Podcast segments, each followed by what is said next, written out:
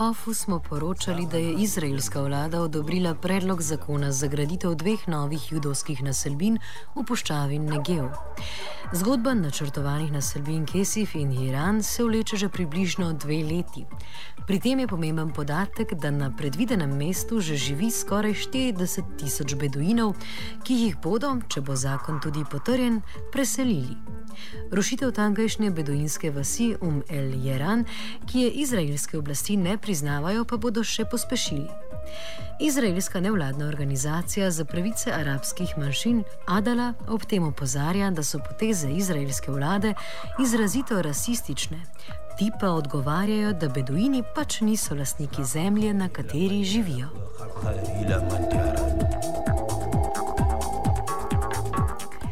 Današnji sogovornik je politični geograf in strokovnjak na področju zemljišč ter njihovega načrtovanja. Habib Abu Ras iz Pravnega centra za pravice arabske manjšine v Izraelu Adala. Zgodba vasice Um El Shiran ni izjema. Je zgodba še vsaj 45 drugih beduinskih vasi.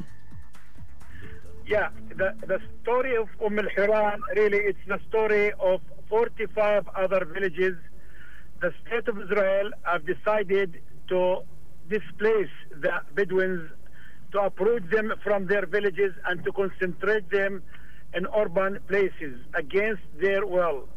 Proper plan. It's the governmental plan that uh, is trying to uh, move Pal- uh, Palestinian Bedouins from their land and to and to confiscate their land and destroy their villages have very, uh, very clear message, which is uh, increasing Judaization of the Negev, make the area of the Negev, the southern Israel, more Jewish area.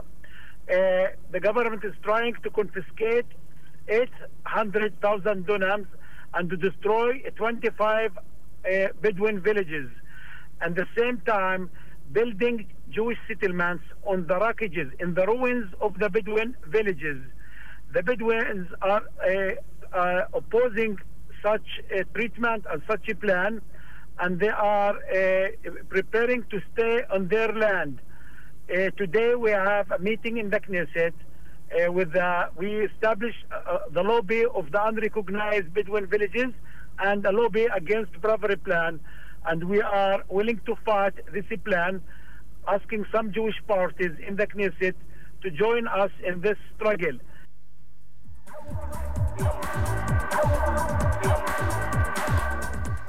Puščava Nagev, arabsko Naka, predstavlja 60 odstotkov vsega ozemlja Izraela.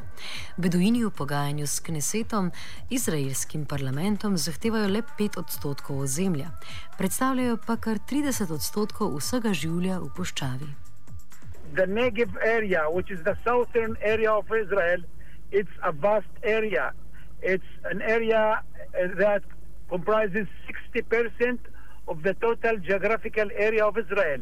Yet only 8% of the of the population of Israel live in this area. It's scarcely populated. There is enough room for everybody. And we are asking the government why you are trying to uh, uh, demolish the houses of the Bedouins and uh, confiscate their land. There is enough room for everybody in the Negev. It's we are it's unacceptable to develop the Negev and to uh, this development to overpass the Bedouins.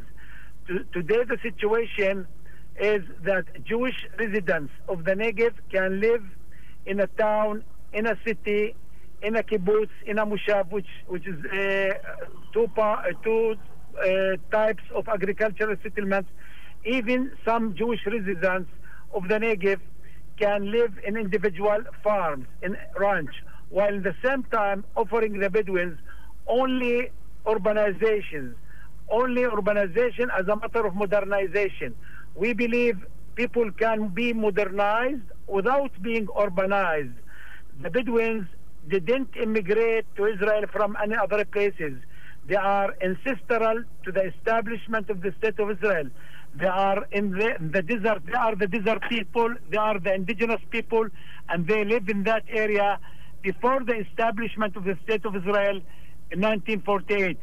we call the government of Israel to open a dialogue, a meaningful di- dialogue with the Bedouins to stop their house demolition and uh, their displacement and to find the solution.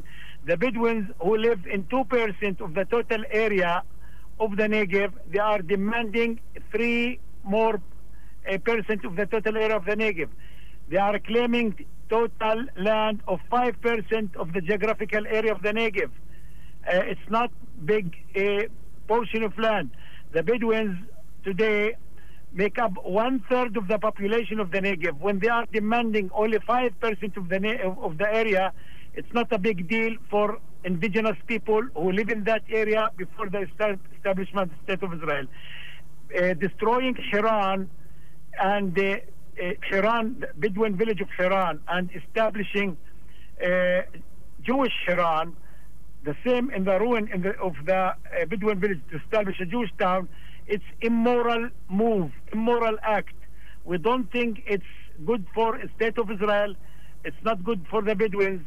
This issue of land is very sensitive for the Bedouins. This issue has the potential of inflaming Arab-Jewish relations with the state of Israel.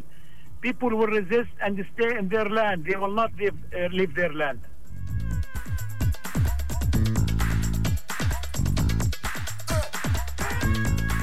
Kakšna pa je razlika med priznanimi in nepriznanimi beduinskimi vasmi, če tudi v priznanjih? Izraelske oblasti ne zagotovijo niti najnujnejše infrastrukture.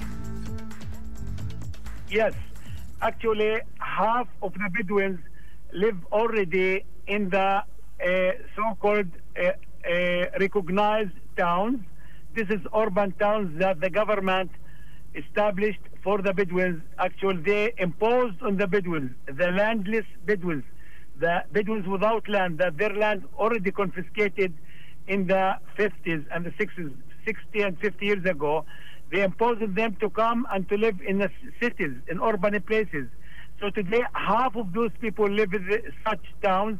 These towns are the most impoverished and the poorest towns in Israel. A criminal rate in these places is very high. It's the highest in the country. Unemployment rate is the highest in the country. In all means, they are the poorest people. Now, half of the other half of the Bedouins live in the unrecognized villages, those villages without basic services, without infrastructure, without any running water or electricity or paved roads.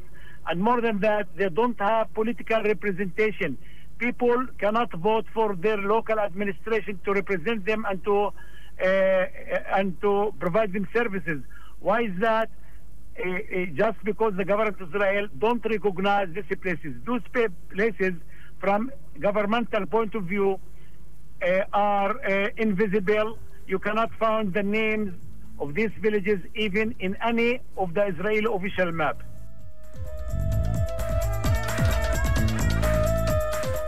Kako pa ocenjujejo odziv javnosti v Izraelu? The Israeli public really don't care that much. The Israeli public is so uh, calm and uh, he doesn't care that much. We are talking about the periphery of Israel. It's a periphery region. The Negev region is a periphery region in Israel. They don't talk. Uh, they don't care that much about periphery regions all of the media concentrated in Jerusalem and in Tel Aviv, and nobody cares about uh, impoverished community, Bedouin community that live in the desert area. We are trying to convince the Israeli public that this, such move of destroying Bedouin villages, it's not good for Israel. And we have slim chances to convince the people with that. However, we are very active in international advocacy. We were in the White House, in the Congress, American Congress. We were in the European Union, and people in uh, overseas understand this move make Israel undemocratic and racist country.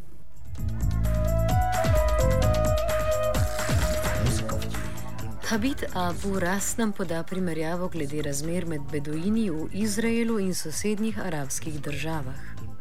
Well, unlike Bedouins in the uh, in the Arab neighbor, neighboring countries, uh, the Bedouins of Israel, Palestine before 1948, they are not nomad people. they are semi-nomadic. Uh, they live in semi-nomadic way of living.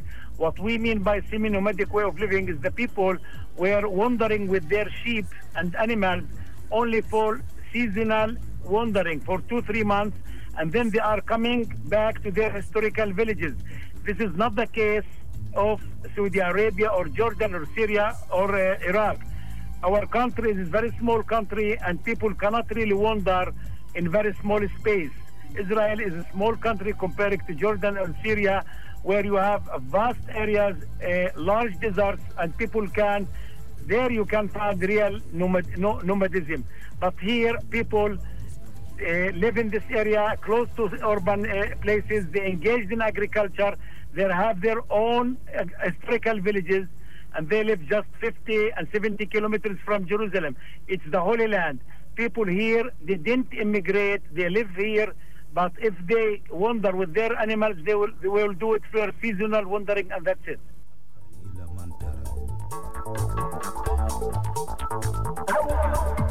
Za konec prisluhnimo še, kako se je pravzaprav začela počasna razlastitev beduinov strani Izraela pred več kot 50 leti. Pred njimi Otomanski imperij, kakor tudi britanski mandat nad Palestino, sta priznavala beduinsko zemljo, drugače pa je razmišljal Izrael. Uh, actually, the Bedouins have their own land system. Uh, they have a very oh. traditional legal Bedouin system of land, and the Ottoman Empire and the British mandate were both recognized this land Bedouin system. The Israelis didn't recognize this and they didn't even recognize the so-called transitional justice under international law. Uh, and uh, everything started in 1948 from the Israeli point of view as it's uh, a dead land, uh, nobody, nobody's land, it's a desert land. And we showed that the Israelis, this land uh, were cultivated before 1948 uh, and uh, but the Israelis didn't accept our notion of land that's settled by the Bedouins, despite the fact that different Jewish scholars, Zionist scholars, and their research shows that the Negev were very uh, green even before the establishment State of Israel. The issue of land in Israel is very, uh, is very uh, sensitive and national issue, unlike other countries around the world where land has only economic meaning. Here, the land of the land has, since it's the Holy Land, has ideological meaning and national meaning. But it's it's ideological meaning and national meaning. It's a matter of identity, not only for the Jewish people. It's for the Palestinians, for the Bedouins. So, but the Israelis don't recognize such identity for the Bedouins, and that this land belongs to the Bedouins. The Israeli law, uh, it's just in the issue of land is dictating that all Israeli land within the geographical area of Israel, it's a state land and belongs to the Jewish people. And the state of Israel defined as a Jewish state. So here we come. This means that all of the land belongs to the Jewish state. It belongs to the Jewish people. And we are the minority Arabs are suffering a lot. We are comprising 20% of the total population and we are discriminating against in the issue of land and the planning and other issues.